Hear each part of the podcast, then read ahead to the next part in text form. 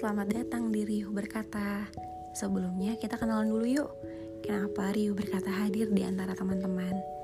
Sebagai perempuan, aku suka sekali bertanya tentang banyak hal, mencari tahu, penasaran, ataupun resah akan sesuatu hal. Terkadang, bertanya tentang hal yang aku ingin tahu kepada orang lain membuat aku takut dicap tidak tahu. Ataupun, kalau bercerita tentang keresahanku, malah aku sendiri takut dianggap remeh.